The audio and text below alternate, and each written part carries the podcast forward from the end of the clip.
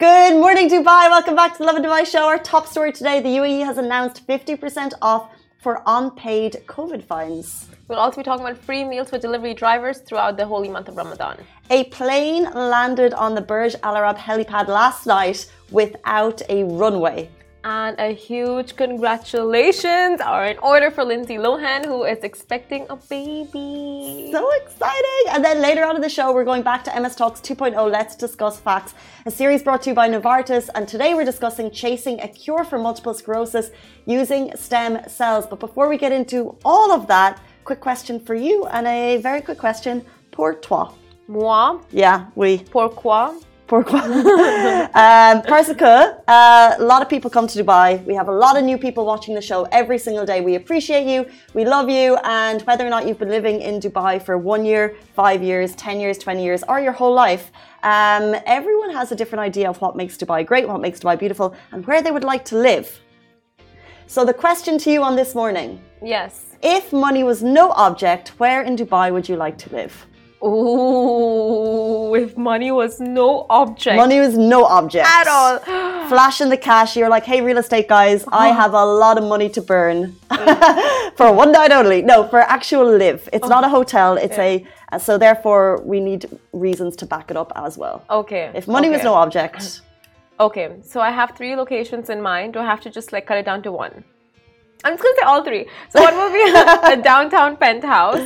One has to be a Blue Waters Island penthouse, and one has to be a nice, luxurious villa on the Palm.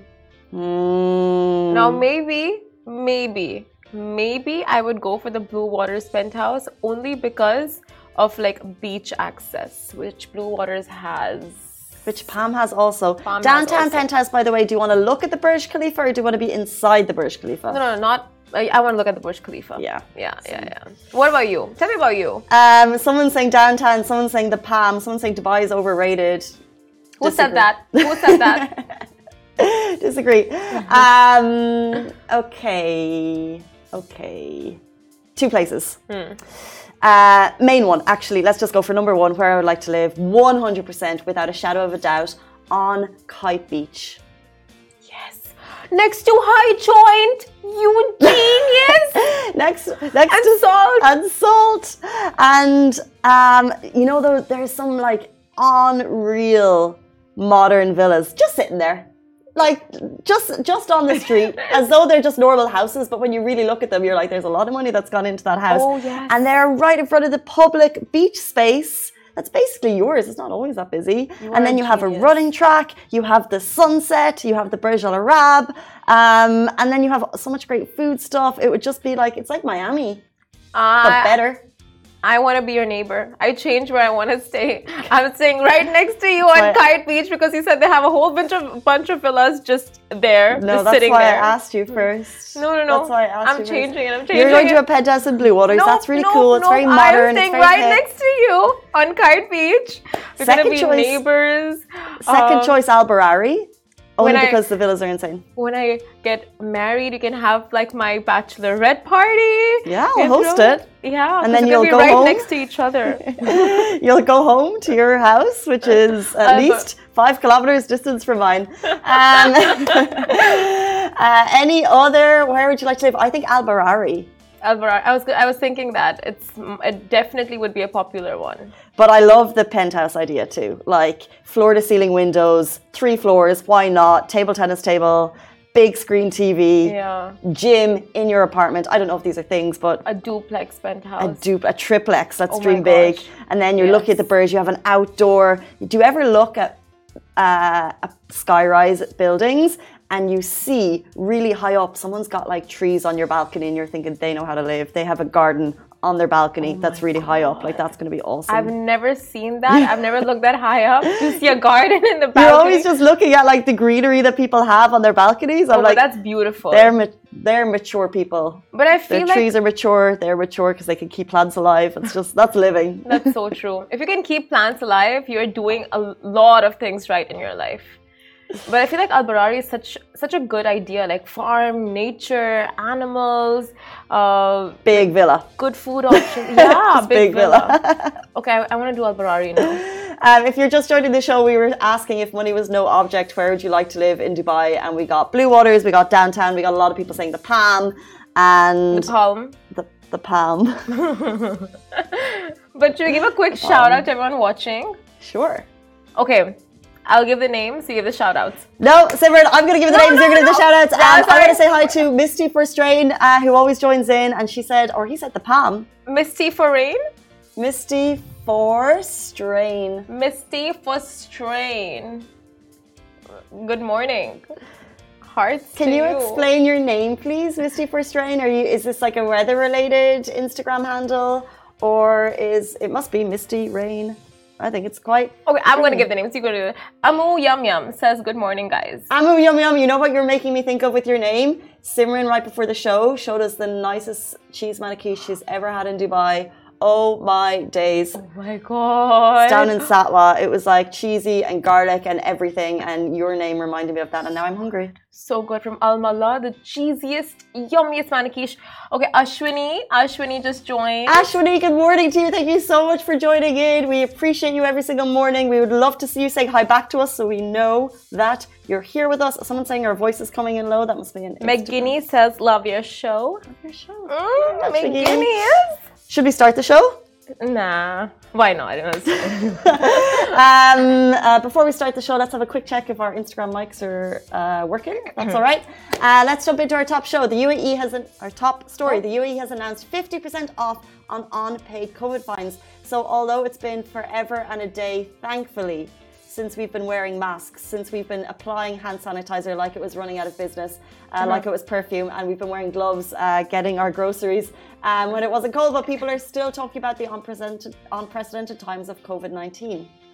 So the number of UA, uh, rules in the uh, UAE residents had to follow was a lot, and there were rules about how many people could sit in a car, stand in an elevator, can go outside to a shop, and more. And masks were just the worst. And wearing them during the summer months was unbearable. And the PCR tests that Abu Dhabi residents had to endure every week or so. Basically, it was a tough period, and no one was wishing to relive it, or no one is wishing for it right now.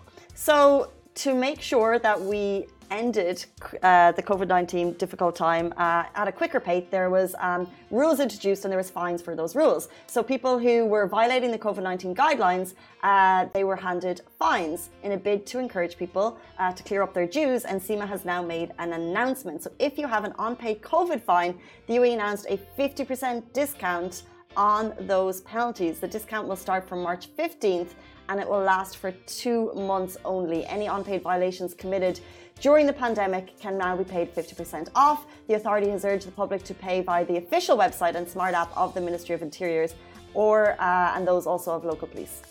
And this is such a brilliant, brilliant piece of information to wake up to this morning because it starts from today and 50% off all the COVID 19 violations. That means, like, if you got a 3,000 dirham fine for not wearing your mask properly in a mall or in public spaces, now you have 50% off that. And um, I mean, it is such a relief for so many residents who have had this, you know, like imposed upon them.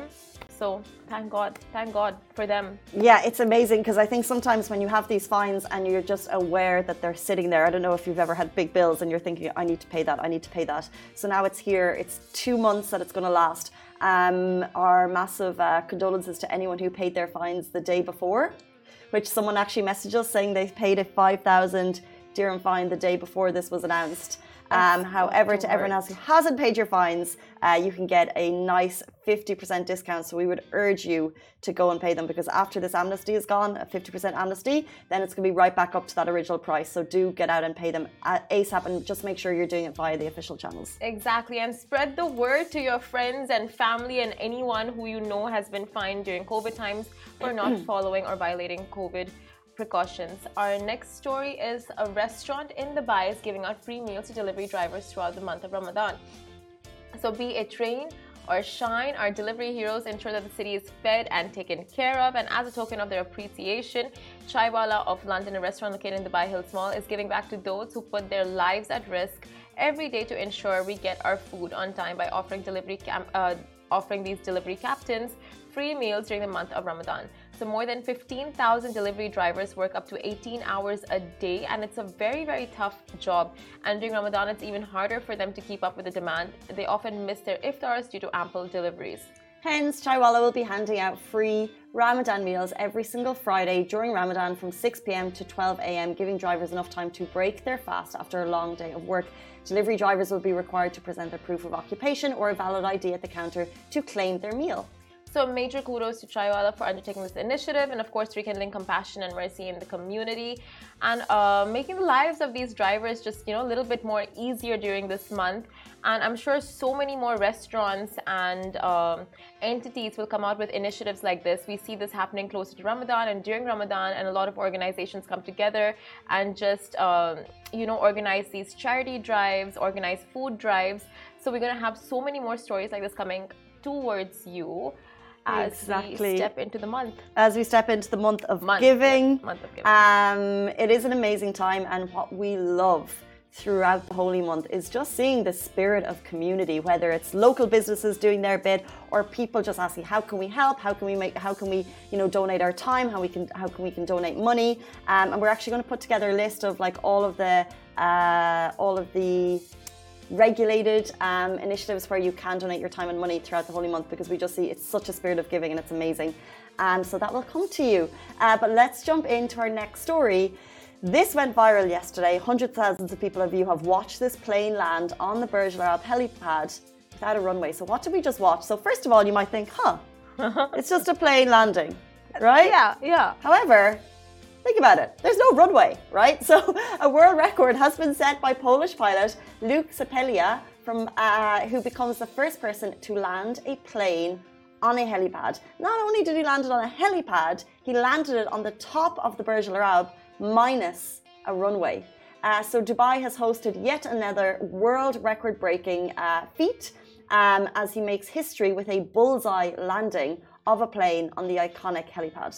How cool is that? And to complete this mission to land on the helipad that's 27 meter in diameter, he completed over 650 practice landings before the attempt on top of the 56 story hotel. Uh, so let's just go over that. He had 27 meters to land this plane. Think about when you're landing a plane, when you're on a flight. Think about when you're landing a plane. Oh, just last week. Just last week. Think about when you're on a plane and the runway, like how much time they have. He had 27 meters. He was flying at a speed of 43 kilometers per hour, and he actually it took him three attempts. Could you imagine the heart and the the the drama that went into that? It took him three attempts. Um, and of course, added to the challenge is that he's at a height of 212 meters, uh, top of Burj Al Arab, with you know cameras at all angles. Um, but he did it. It looks it looks amazing. And uh, I saw a little interview with the pilot. He said it's the first of more to come. Dubai Media Office shared the story, and it's just very cool. I mean, regardless, right? Take everything away. The first of all, the Burj Al Arab helipad is so cool. Right? Anytime I think as a spectator you see a helicopter, anything land there, you're just like so mesmerized and your eyes are just there. You stop everything and you're just looking at the landing. And now to see this specific stunt without the runway and just um, I don't know, like we love these kind of stunts. People were sharing videos of the stunts yesterday, and we didn't fully know what was going on. So now we have like the lowdown on it. Um, but so true. It's one of those things where it's so cool. You know, we, we've seen tennis players up there, we've seen race car stunts up there over the years. Like it's, but actually, could you imagine actually being up there? I don't think I would be that brave. Like I wouldn't be playing tennis, and if my ball was, you know, went over the side, I would need a netting all around. And also, we haven't shared it yet, but there was a proposal. Oh my on the god. Burj Al Arab. Yes, in the last couple of weeks, I saw the video yesterday. Is he single?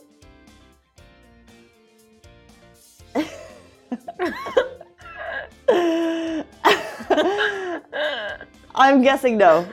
After that proposal. A proposal on the Burj Al Arab. So first you have stunts, then you have love. How cute. Um, I'm assuming it was a big fat yes. I'm sure. Even if it was a no, it would be a yes.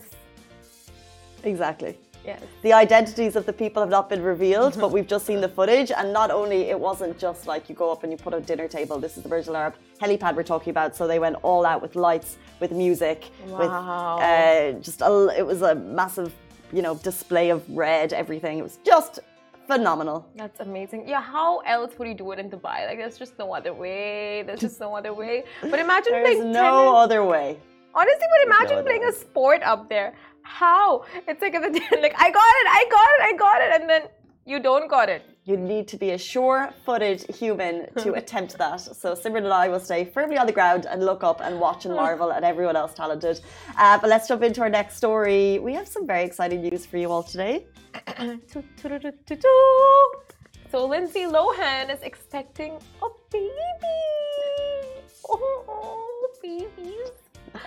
So Lindsay Lohan is gonna be a mom, and the actress and her Kuwaiti husband Badr Shammas are expecting their first baby together, and they're not, and they're literally over the moon about it. And Lindsay shared the news on her Instagram page with a cute picture of a white baby grow, like a, you know, like a white baby top dress, onesie that read coming soon. And the 36 year old star and Shammas tied the knot last year after getting engaged in 2021, and they've been together since 2019 and currently reside in Dubai, where Shammas works in finance. Lots of famous faces have already sent their well wishes and greetings to the happy couple, including none other than Karen Wazen and Amanda Seyfried. We cannot wait to see what the future holds for Lindsay and her growing family. Uh, she's already given us a glimpse of married life on her podcast, The Lowdown with Lindsay Lohan. She's revealed that Middle East, uh, she's revealed that Middle Eastern dishes cooked by Shammas family are her happy place foods, and yeah, we get it. And now moving, how moving to Dubai taught her to prioritize herself. So a huge congratulations to Lindsay and Badr on this exciting news, and we, we're sure they'll make wonderful, wonderful parents.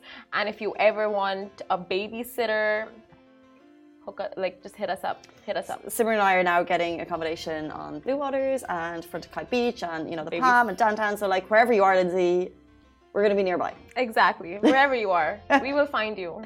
We'll come live next to you. We will come. Happy to do the babysitting, no problem. Would you be a good babysitter? Of uh, course. Would I'm sure do you would babysit for your friends? I have. No, I don't have friends who have kids yet, Mm. but I so would. I so would, and I think I have. I oh yes, yes, I've babysat my nephews. That was What age were they? So one is five, and one is nine. Mm. It's a like That's good a good age. Yeah, like I'm it- talking babies. Like really young, small, tiny, tiny babies. One, two year olds. Are you going to take on that responsibility? we can't really mess around with too much. No, maybe like two years old. Surrounded with too much.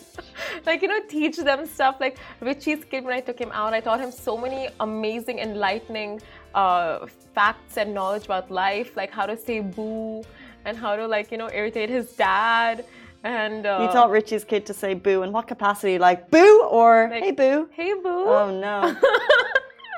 So I don't know if like the Friends reference of when Rachel took Ross's like Kid? Eight-year-old I was kid out and like taught him all the pranks. oh yes oh my god So you're Rachel. i'm so rachel in that sense Yeah. and uh, okay i'll tell you one more thing with richie's kids i was playing like i spy with my little eye so you're playing that for like i think two three hours a good two three hours for the duration of our hangout. And he went back home and he, till 12 a.m. in the night, he's just pestering Richie. I spy with my little eye. I spy. And Richie sends me a video. He's like, You have broken my kid.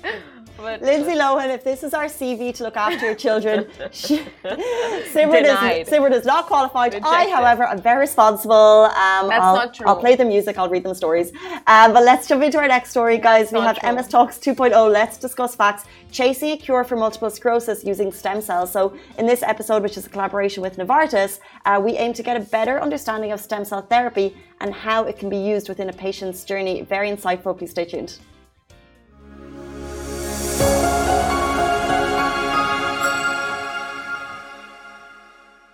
Is MS Talks 2.0 Let's Discuss Facts, a series brought to you by Novartis. Multiple sclerosis is an incurable disease, and if you receive a diagnosis, there can be a tendency to seek different approaches, such as stem cell therapy, in search of an elusive cure. In this episode, we're here to talk more about chasing a cure for MS to get a greater understanding of stem cell therapy and how it can be used within a patient's journey. Today, we're joined by Dr. Muna Thakri, consultant neurologist and head of neurology at Al Zahra Hospital and board member of Emirates Neurology Society, and Monal Harbi, MS patient advocate, member of the National MS Society, and transformational and personal growth coach. Welcome to the show. Thank you for having us. Thank you so much for your time. Doctor, can you please explain to us what exactly is a stem cell and where can it be found on the body? Okay, so let's start with the very basic. Okay, so stem cells are undifferentiated cells. Okay, these are immature cells and they are mostly in the bone marrow, but they can be found in other parts of the body as well, like the brain, like the adipose tissue, like the cartilage, and other parts of the body. So these cells, what they have, they have this ability to differentiate into other cells.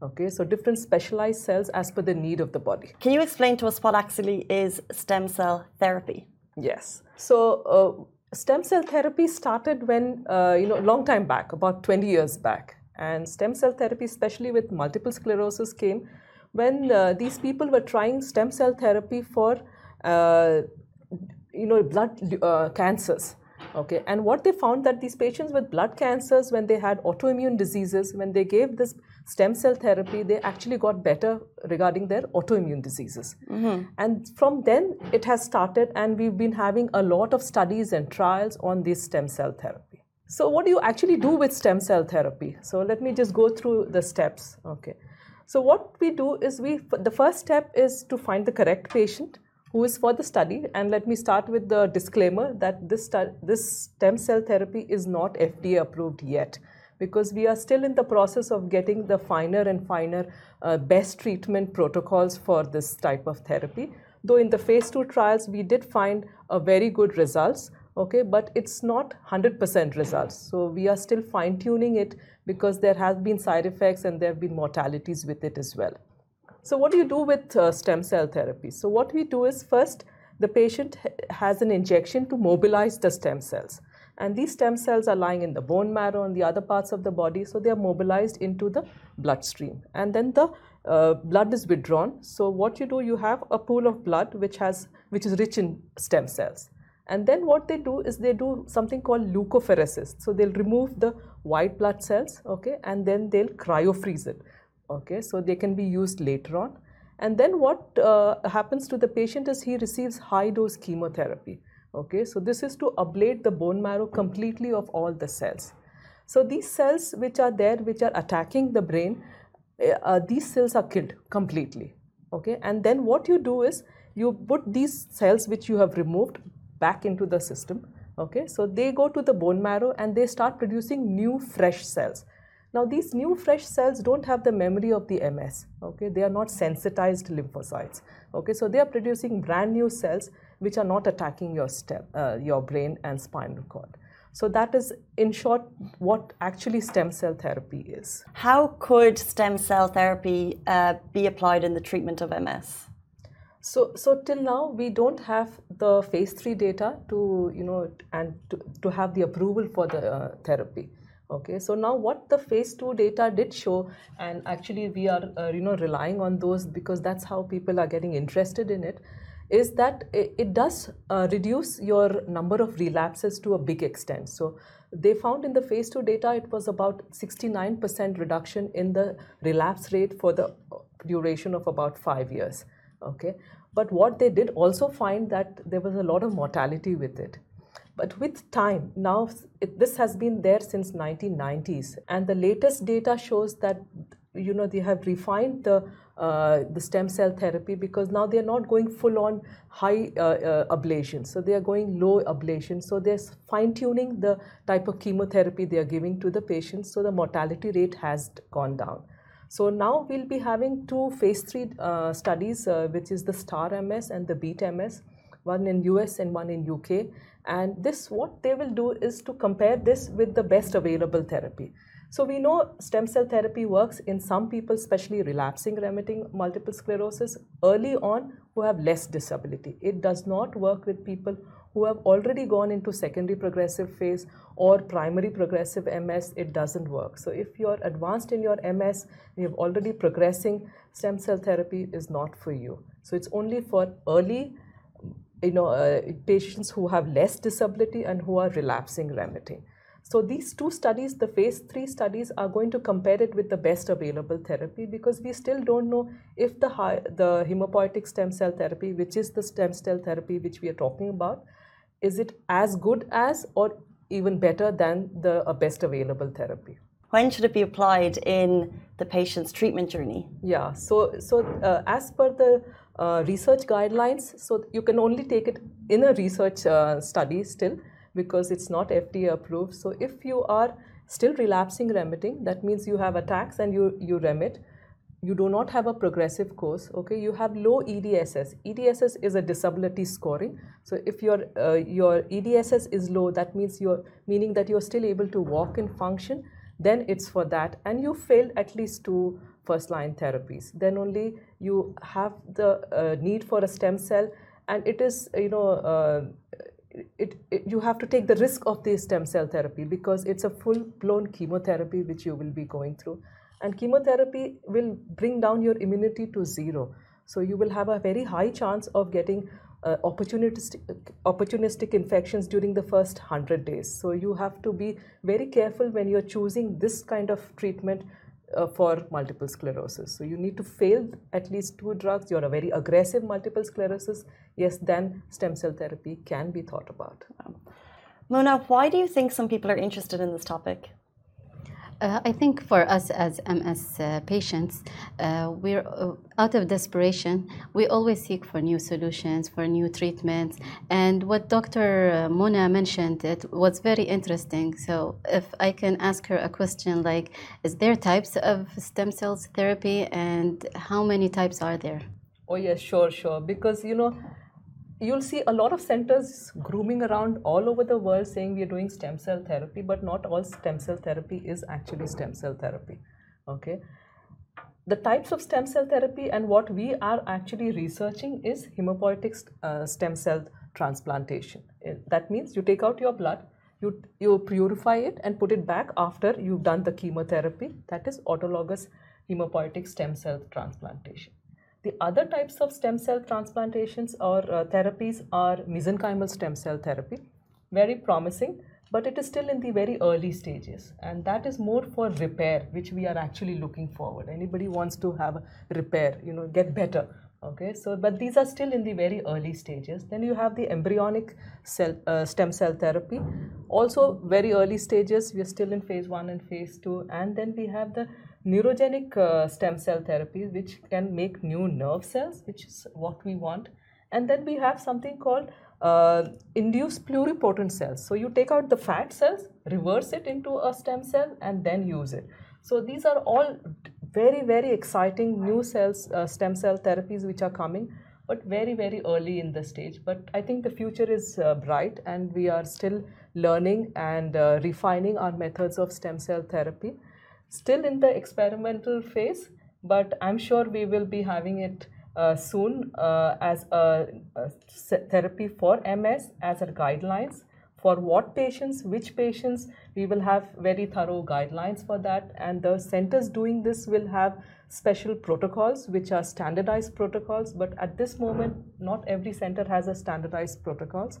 Because remember, these therapies can cause mortality because you suppress the immunity to zero okay? And the mortality has been there which was about 10% before. Now it is about less than 2% so we've refined our methods but there is still a small chance. So till we are very sure of what we are dealing with how to do it how's the standard protocol it is still a therapy of research at this moment. Well, that's an important message. Um, but would you have any other message to share to people who are considering stem cell therapy? I think it's a very promising therapy. Okay, it is still undergoing a fine tuning, and we still are awaiting the phase three data.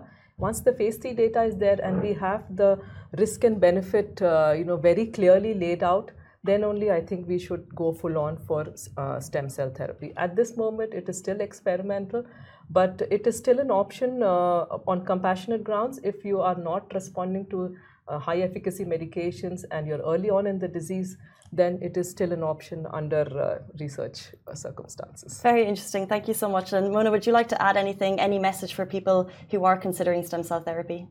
Uh, I would uh, thank Dr. Mona for this interesting information, actually.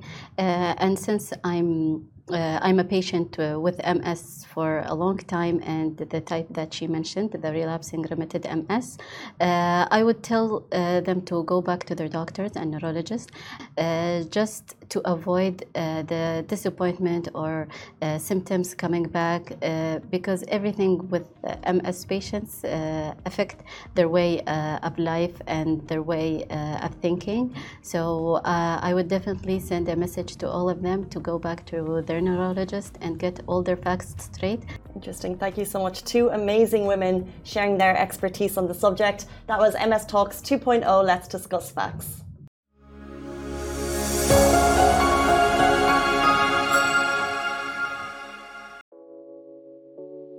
This show is brought to you by the Augustus Media Podcast Network. Thank you for listening, and I hope you enjoyed it.